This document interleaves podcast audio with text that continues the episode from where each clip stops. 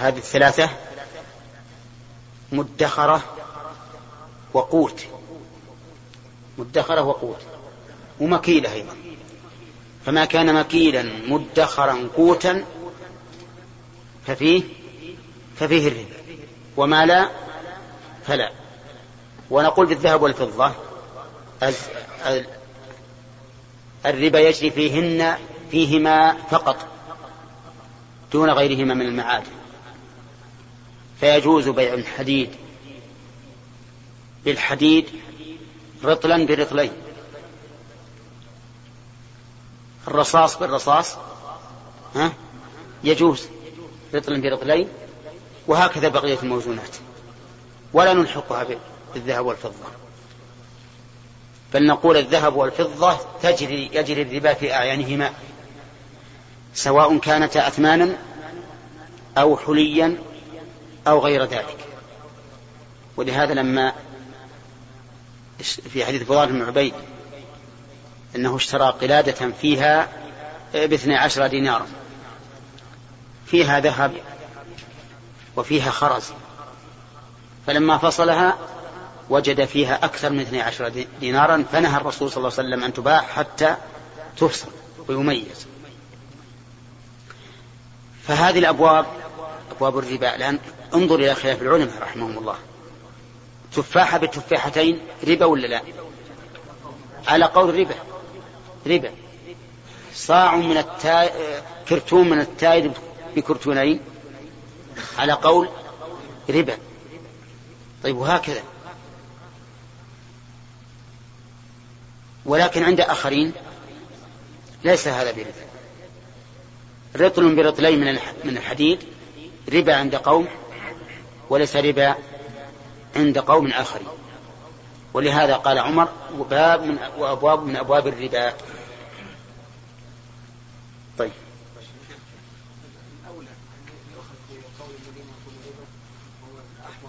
لا. لا. الأولى أن نأخذ بالإباحة. لأن هذا هو الأصل في البيوع أحل الله البيع. فهذا بيع حتى نتبين أنه داخل في النص. وش الزيادة؟ طيب ما في مانع. أليس الرسول يأخذ بعيرا ببعيرين؟ ما كل زيادة ربا. الزيادة تكون ربا في الأموال الربوية فقط. نعم. أبد ولا شبهات ولا شيء. ما في الشبهات لأن لأنك لو تأخذ الشبهات تقول كل خلاف يجي. نأخذ به. ضيقتها على نفسك وعلى غيرك. والإنسان اللي بيعمل بنفسه فهو اللي بيعمل بنفسه. والله أنا عندي شك في هذا الأمر وباحتاط هذا شيء ثاني.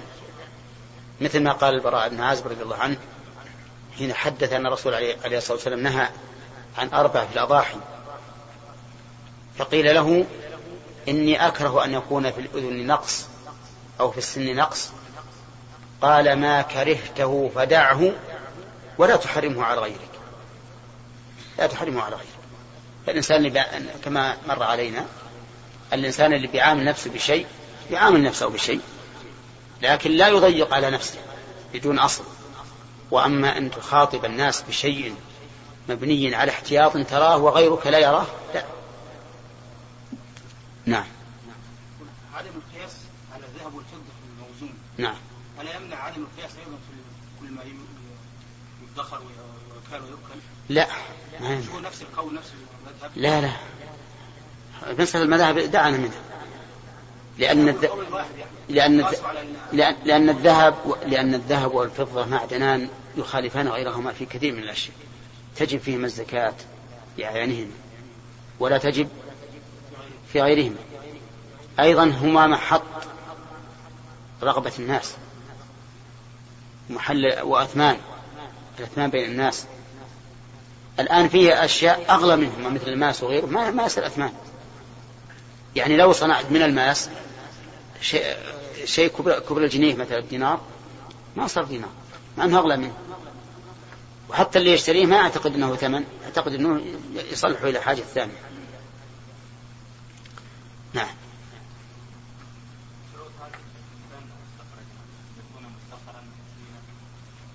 أي نعم. هذه الشروط استنبطناها من البر مثلا. البر مكيل. وقوت إيش بعد؟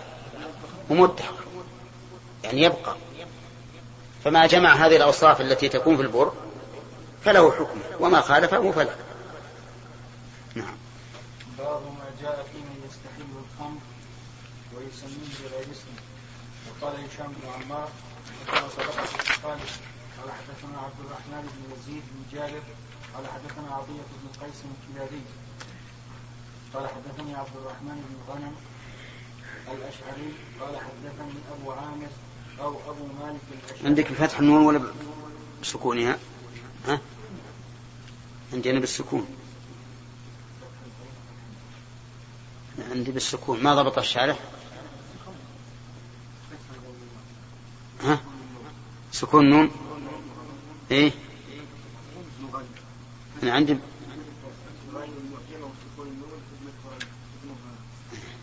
صح النسخة بن غن نعم. قال حدثني عبد الرحمن بن غن الأشعري. قال حدثني أبو عامر أو أبو مالك الأشعري. والله ما كذبني.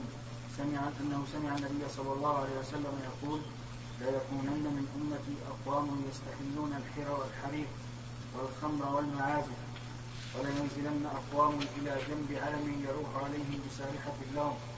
يأتيهم بحاجة فيقول ارجع إلينا. عندي يعني الفقير. يأتيهم يعني الفقير. عندكم؟ نعم طيب.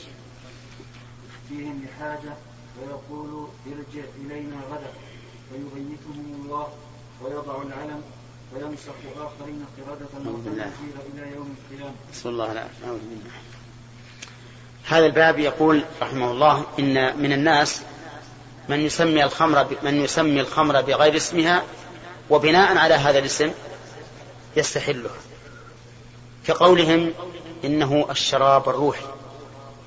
الشراب الروحي تنفتح النفس له ويقول الإنسان وين الشراب الروحي؟ دوره في أي مكان؟ لأن الشراب روح يهذب الروح ويقومها.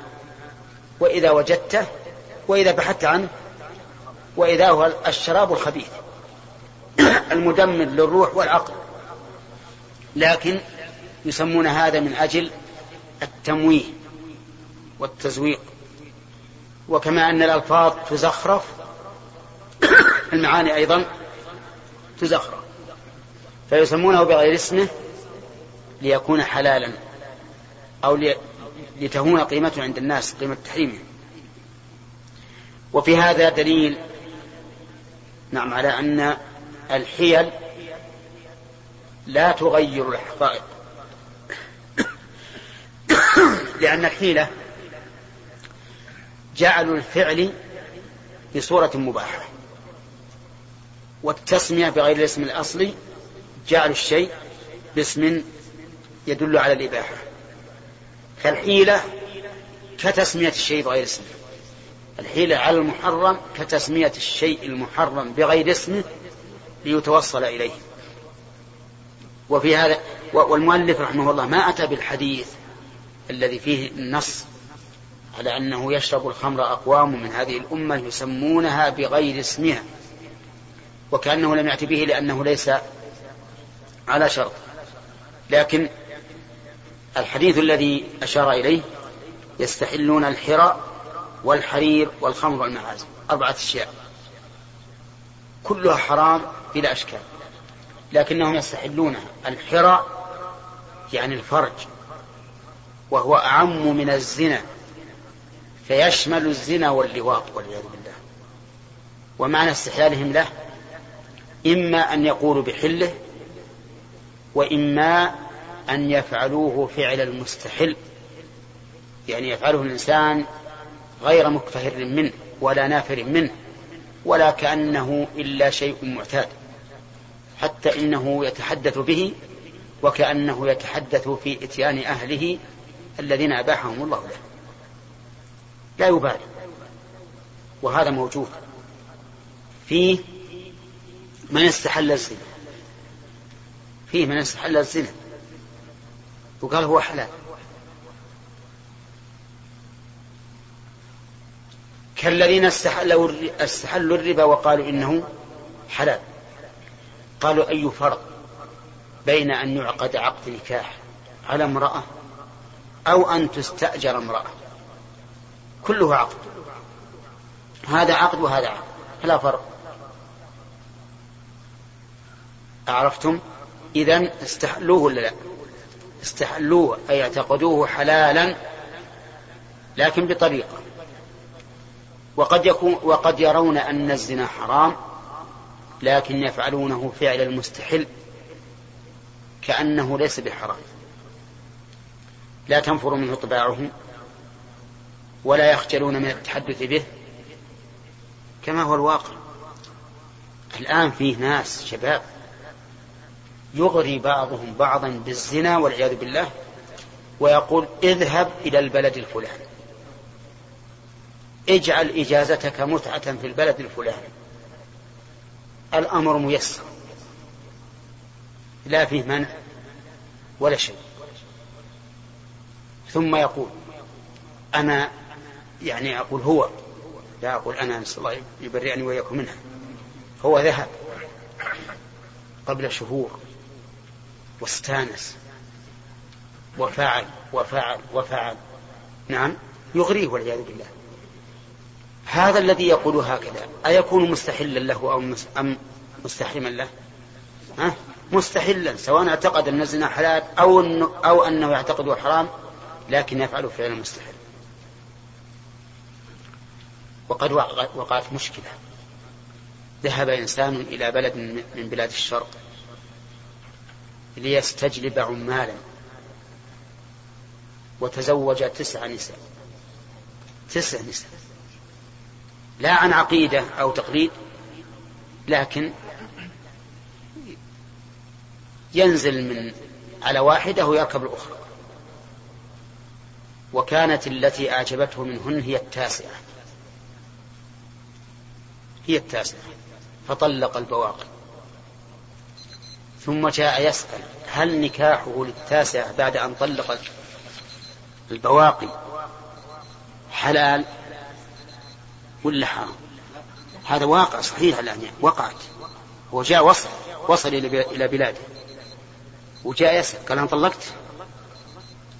هل نقول هذه التاسعة حلال ولا حرام؟ ولا في تفصيل يا أخي؟ فصل بارك الله لا في تفصيل إذا كان قد طلقهن قبل أن يعقد وانتهت العدة قبل أن يعقد نعم. فهو حلال. النكاح صحيح.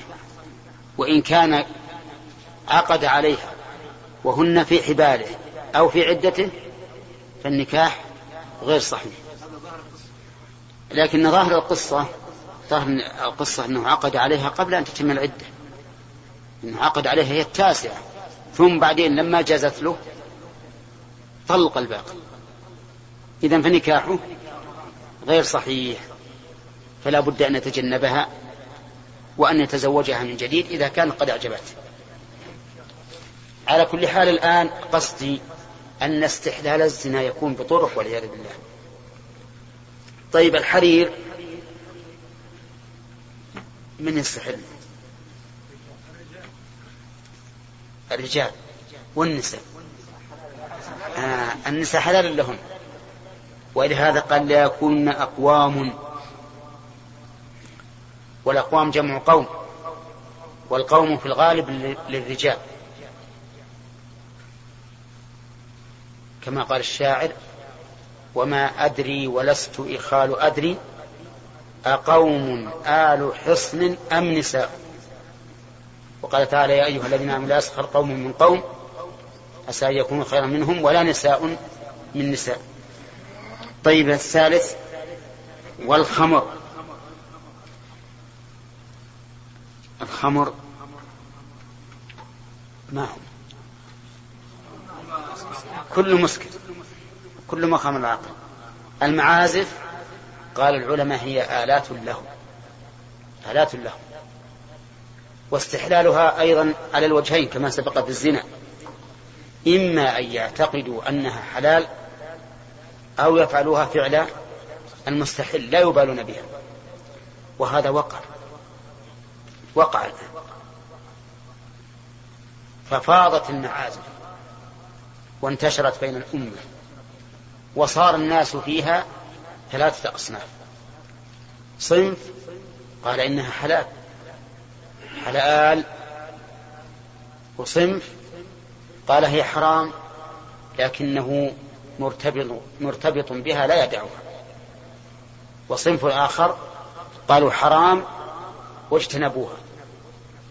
والصواب مع الآخرين مع الآخرين.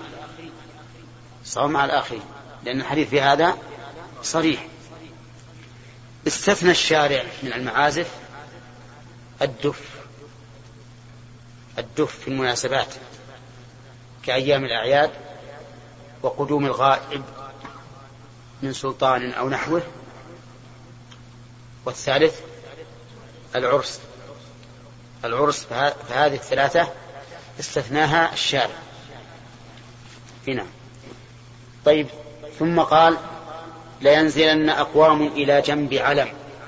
العلم الجبل. كما قال تعالى ومن آياته الجوار في البحر كالأعناق طيب. قال يروح عليهم بسارحة لهم. يعني يروح عليهم الرائح بسارحة لهم. يعني أنهم منعمون عند هذا العلم لهم سوارح تسرح.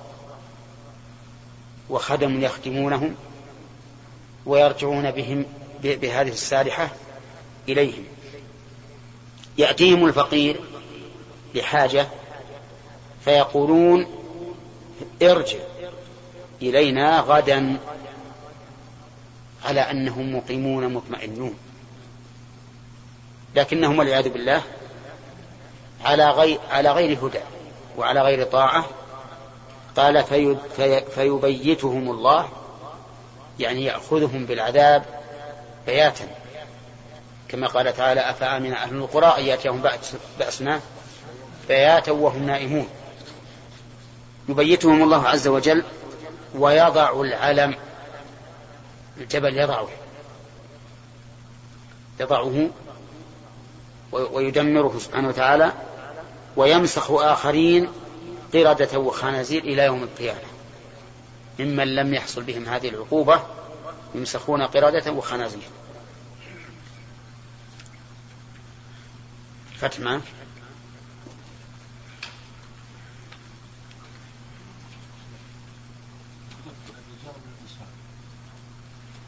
والسنة جاءت به للنساء. والظاهر أن الرجال لا يمنع. إلا إذا وجد دليل يدل على المنع فيمنع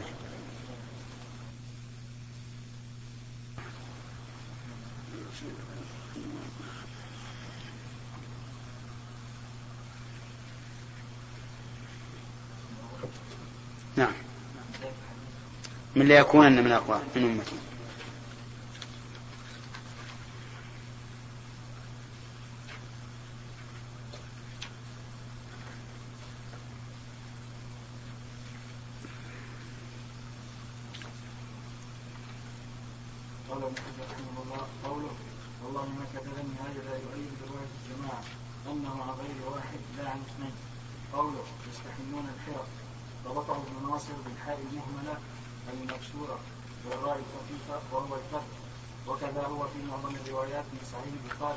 ما قال يستحلون وش معناها؟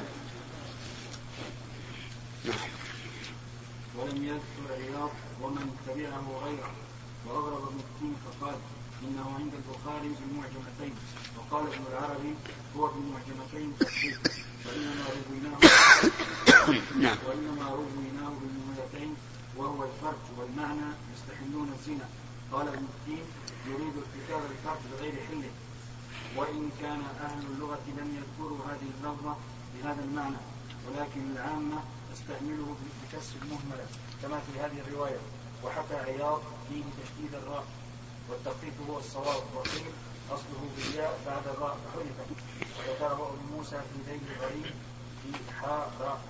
وقال هو بتخفيف الراء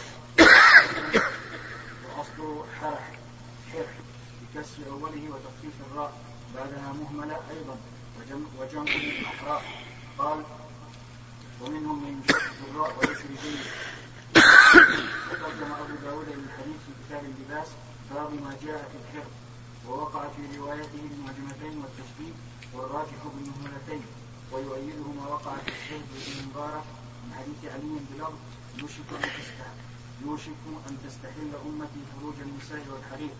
ووقع عند الداودي بالمعجمتين ثم تعقب ثم تعقبه بأنه ليس بمحفوظ لأن كثيرا من الصحابة لبسوه وقال ابن الأثير المشهور في رواية الإعجام وهو ضرب من الإبريسين كذا قال إبريس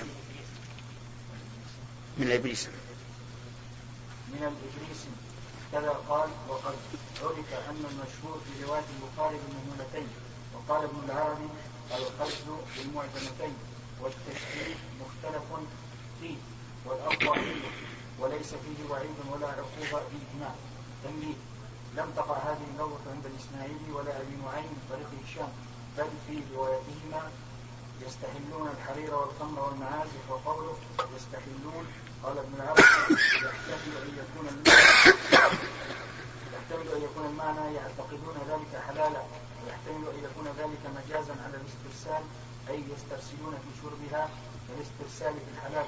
وقد سمعنا ورأينا من يفعل ذلك. الله قوله والمعازف للعين المهملة والزاي بعدها فاء جمع معزفة. جمع معزفة بفتح الزاي. معزفة. معزفة. جمع معزفة فتح الزاي. وهي آلات الملاهي. ونقل القرطبي عن الجوهري أن المعازف الغناء والذي في صحاحه أنها آلات له. وقيل أصوات الملاهي. وفي حواشي الدمياطي المعازف الدفوف وغيرها مما يضرب به. ويطلق على الغناء عزف. وعلى كل لاعب عزف. ووقع في رواية مالك بن أبي مريم تغدو عليهم القيام وتروح عليهم المعازف قوله ولينزلن أقوام إلى جنب علم فتحتين والجمع أعلام وهو الجبل العالي وقيل رأس الجبل. قوله يروح عليهم كذا فيه بحذف الفاعل وهو الراعي لقرينة المقام. إذ السارحة لا بد لها من حافظ قوله بسارحة بمهملتين الماشية التي تسرح بالغداة إلى راعيها وتروح أي ترجع بالعشي إلى مألفها. ووقع في رواية الإسماعيلي سارحة. بغير موحدة في أوله ولا حذف فيها. قوله يأتيهم بحاجة كذا فيه بحذف الفاعل أيضا. قال الكرماني التقدير الآتي أو الراعي أو المحتاج أو الرجل. قلت وقع عند الإسماعيلي يأتيهم طالب حاجة.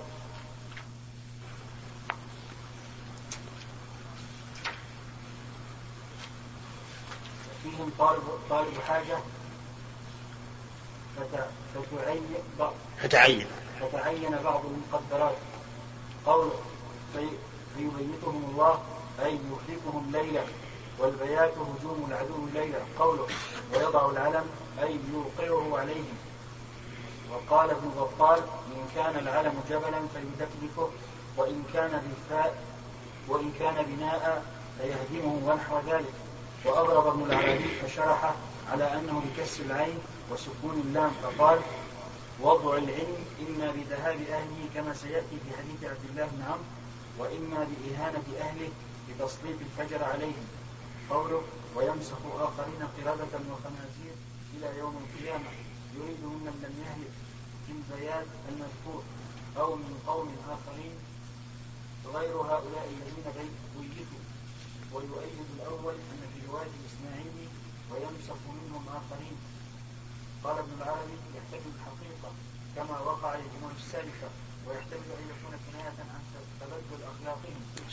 قلت والأول أليق بالسياق وفي هذا الحديث وعيد شديد على من يتحيل في تحليل ما يحرم ما يحرم بتغيير اسمه. وأن الحكم يدور مع العلة والعلة في تحريم الخمر الإسكار.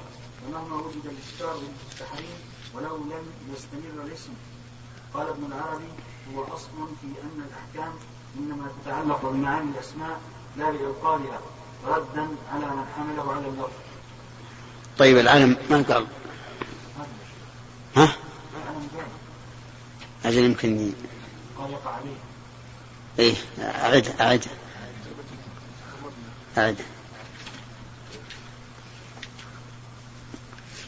قراءة الشيخ أضبط من القراءة للشيخ ما مر علينا إيه.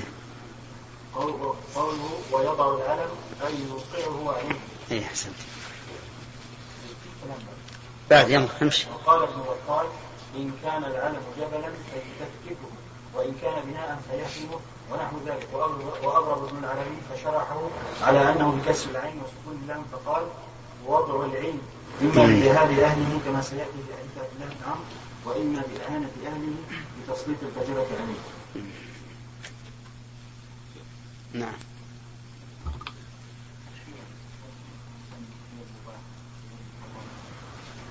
إيه؟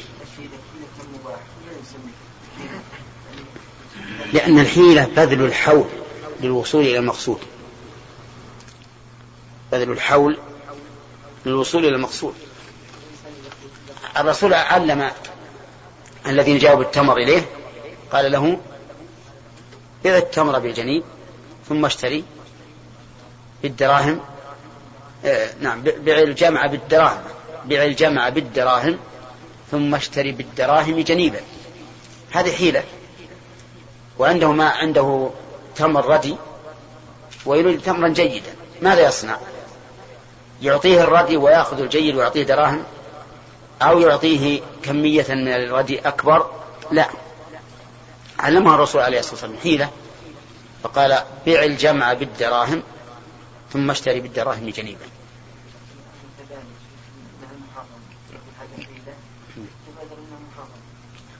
لا إذا إذا قيل حيلة على محرم إن كان حيلة على محرم فيه محرمة إن كان حيلة على مباح فلا فيه مباح. التورية بالكلام حيلة حيلة لفظية. ولا لا؟ هنا حيلة لفظية. نعم. قول في الحديث مقصود بها الرجال دون النساء نعم نعم طيب يعني في مذكور أشياء محرمة لا يختص بها الرجال. إي نعم. من دليل آخر. من دليل آخر. المعازف. يعني الحديث هذا يقتصر أو يتوجه للرجال دون النساء. بناء على لفظه بناء على لفظه يجمع أشياء محرمة المعازف والخمر إي. إي. نعم هو هو كذلك. لكن من أين أخذناه؟ اي طب لماذا نترك قوم على العموم يعني تشمل الرجال والنساء ونخصص الحرير؟ أو كذلك. ال... نعم يمكن يمكن نقول هكذا.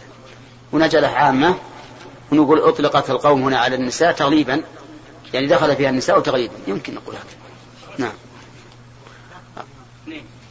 نعم. صلى وسلم.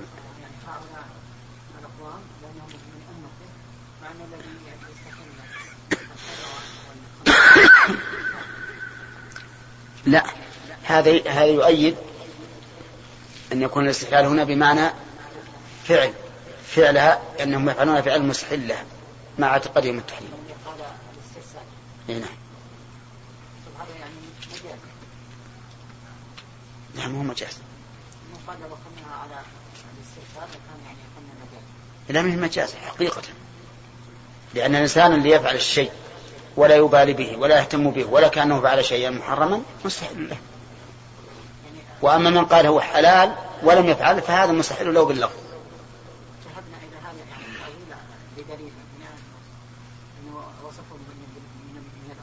نعم. باب الانتهاء في الأوعية والثور حدثنا قتيبة بن سعيد قال حدثنا يعقوب بن عبد الرحمن عن التور سي عندك. التور شيء يشبه الطشت. الطشت تعرفونه. ها؟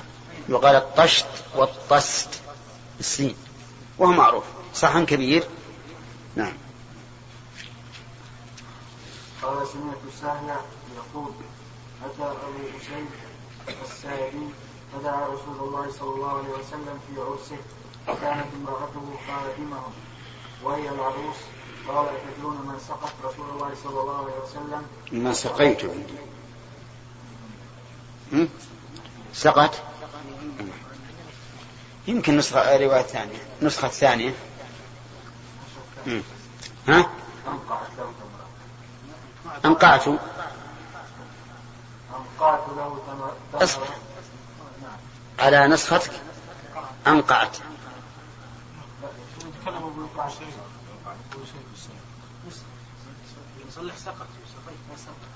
شوف بارك الله فيك. الآن يقول وهي, وهي العروس.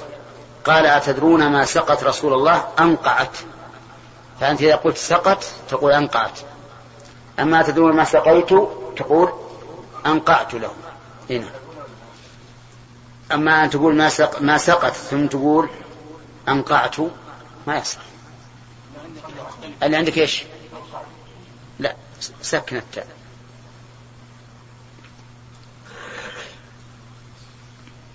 أنقعت له ثمرات. الليل في ثوب باب ترخيص النبي صلى الله عليه وسلم. طيب هذا فيه دليل على جواز خدمة المرأة للرجال. وهو كذلك. يجوز للمرأة أن تخدم الرجال. ولكن للحاجة للحاجة. وإنما قيدت ذلك لأنه لولا أنهم محتاجون لم يستخدموا العروس. فإن العروس عادة تكون مشغولة بالتهيؤ لزوجها والتجمل له لكن لما دعت الحاجة إلى ذلك كلفوها بأن تخدمه. ولا يلزم من هذه الخدمة أن تأتي إليهم مكشوفة الساعد والوجه والراس وما أشبه ذلك. ما يلزم بل يمكن أن تخدمهم وهي منتقبة وعليها القفازان. كما أن الخدمة أيضا لازم منها المباشرة بأن تباشرهم بالإعطاء والأخذ منهم. يمكن تخدمهم بأن تصلح الطعام ثم تقدمه وهي بعيدة عنه. واضح؟ وبهذا يبطل استدلال من استدل بهذا الحديث على جواز اختلاط المرأة بالرجال وعلى جواز كشف المرأة وجهها لأن من المعروف عند أهل العلم أن الدليل إذا تعرضه الاحتمال سقط به الاستدلال. ولا يمكن أن يلزم بذلك أحد. والدليل معرف للمدلول ومبين له. فإن لم يكن معرفا ومبينا له فليس بدليل. وإذا كان فيه احتمال فالاحتمال إبهام. ما في التبيين. ولهذا أصل العلماء هذه القاعدة إذا وجد الاحتمال سقط الاستدلال. طيب. واضح يا جماعة؟ هنا. هذا إذا درينا متى؟ أما إن كان قبل الحجاب فالأمر واضح. نعم. الفرق بين الحرير خالص والخز يكون معه صوف أو أو قطن. غير خالص. نعم. باب ترخيص النبي صلى الله عليه وسلم. وهو.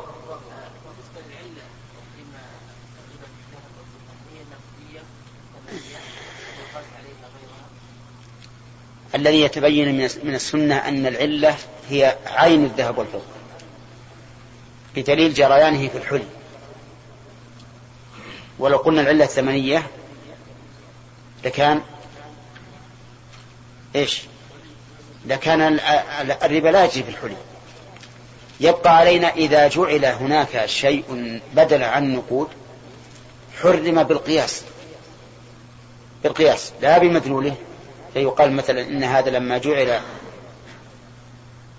أو نعم لما جعل محل النقود في التبادل به وجعل ثمن الأشياء فإنه يعطى حكمه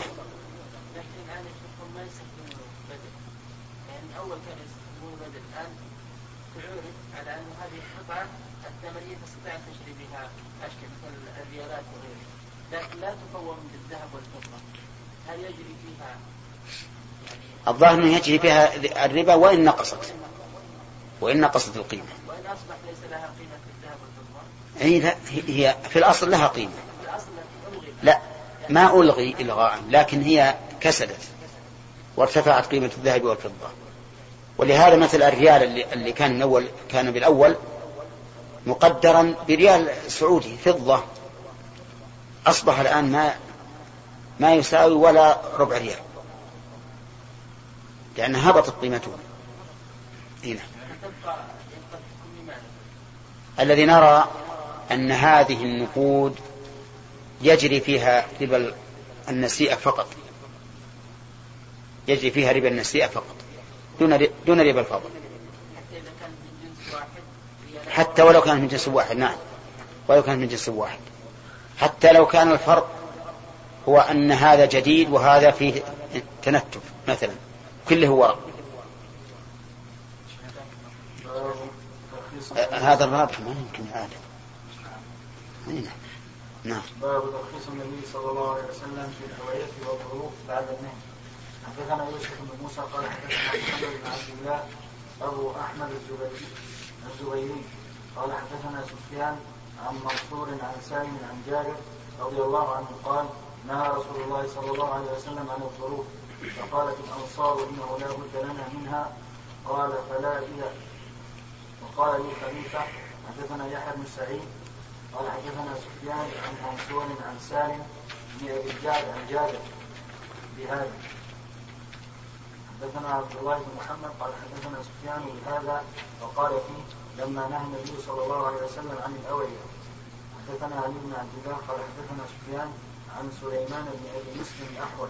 عن مجاهد عن أبي عياض عن عبد الله بن عمرو رضي الله عنهما قال لما نهى النبي صلى الله عليه وسلم عن الاسقيه قيل للنبي صلى الله عليه وسلم ليس كل الناس يجد السقاء رخص لهم في الجر غير المزفر.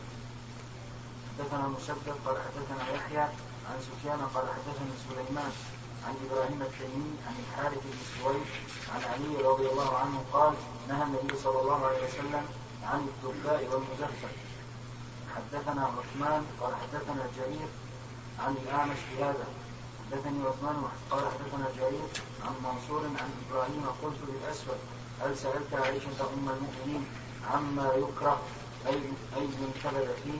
فقال نعم.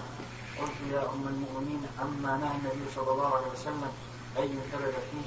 قالت نهانا في ذلك أهل البيت أن ننتبذ في الدباء والمسفر قلت أما ذكرت أما ذكرت الجر والحنتم قال إنما أحدثك ما سمعت. أحدث أحدث ما لم أسمع.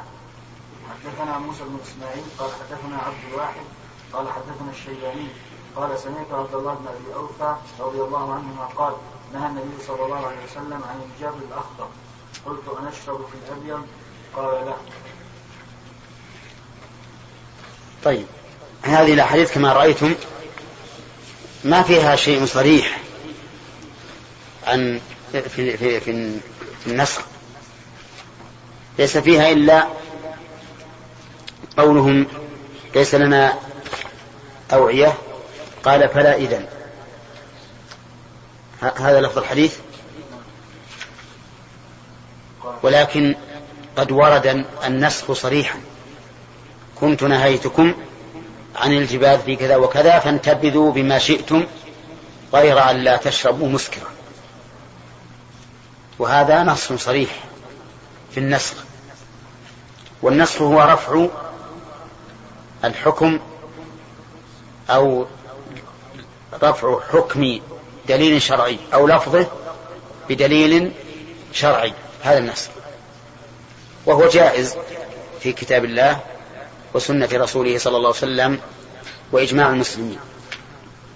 ولكن يجب أن لا نتوسع في دعوى النسخ فإن كثيرا من أهل العلم إذا ضاق بهم الجمع وعجزوا عن وجه الجمع بين النصوص قالوا قالوا هذا منسوخ وهذا خطأ عظيم لأن النسخ معناه إبطال الحكم المنسوخ.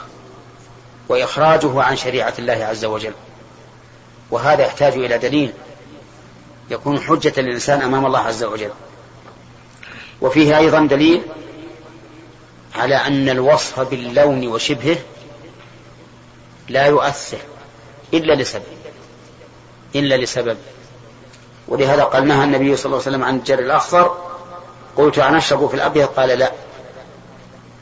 لأن الأبيض والأخضر سواء في علة النهي واللون وصف طردي لا أثر له.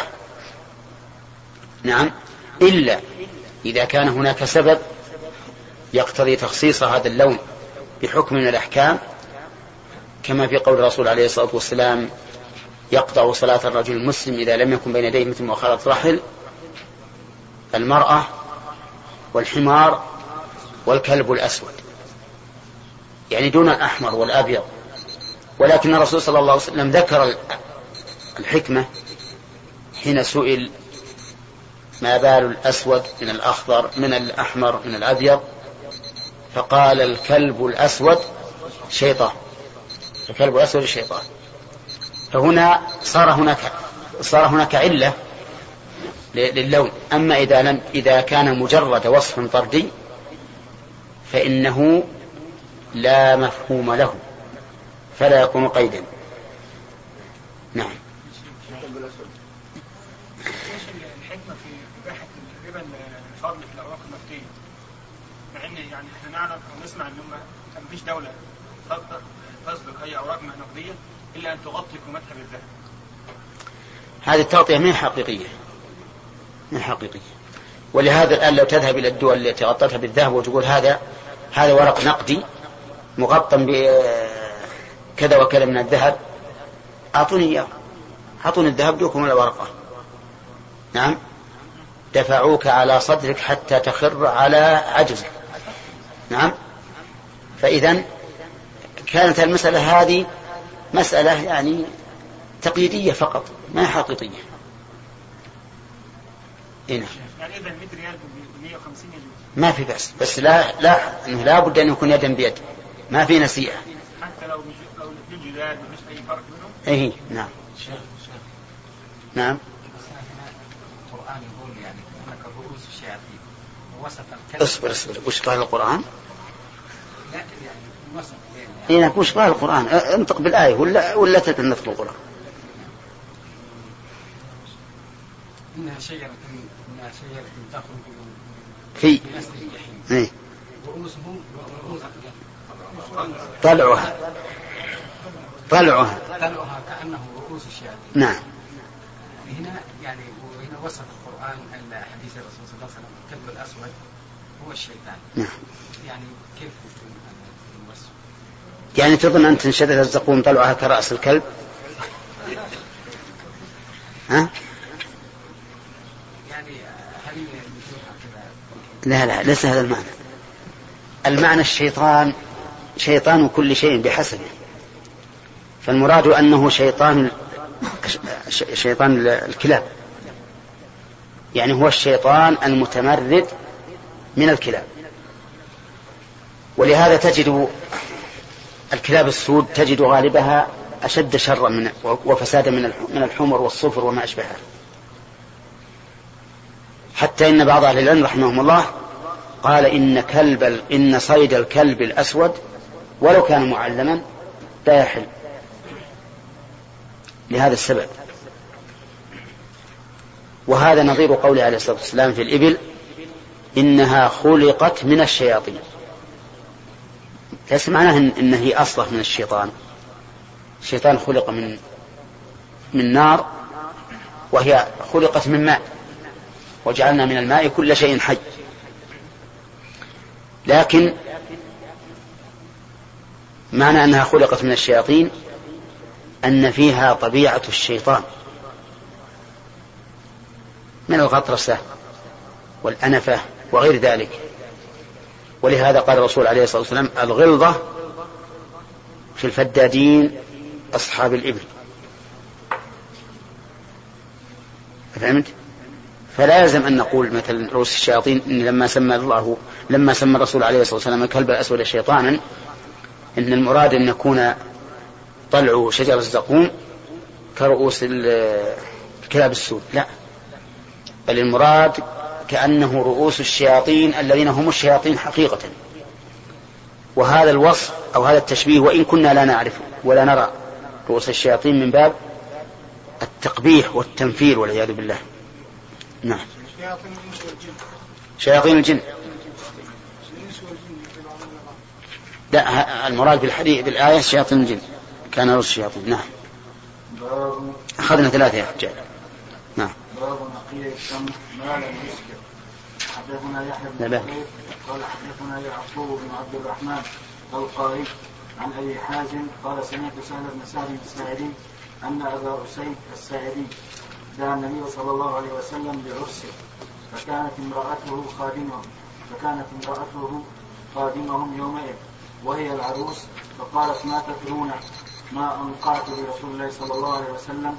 أنقعت له ثمرات من الليل في الثوب باب الباب بس. انتهى الوقت.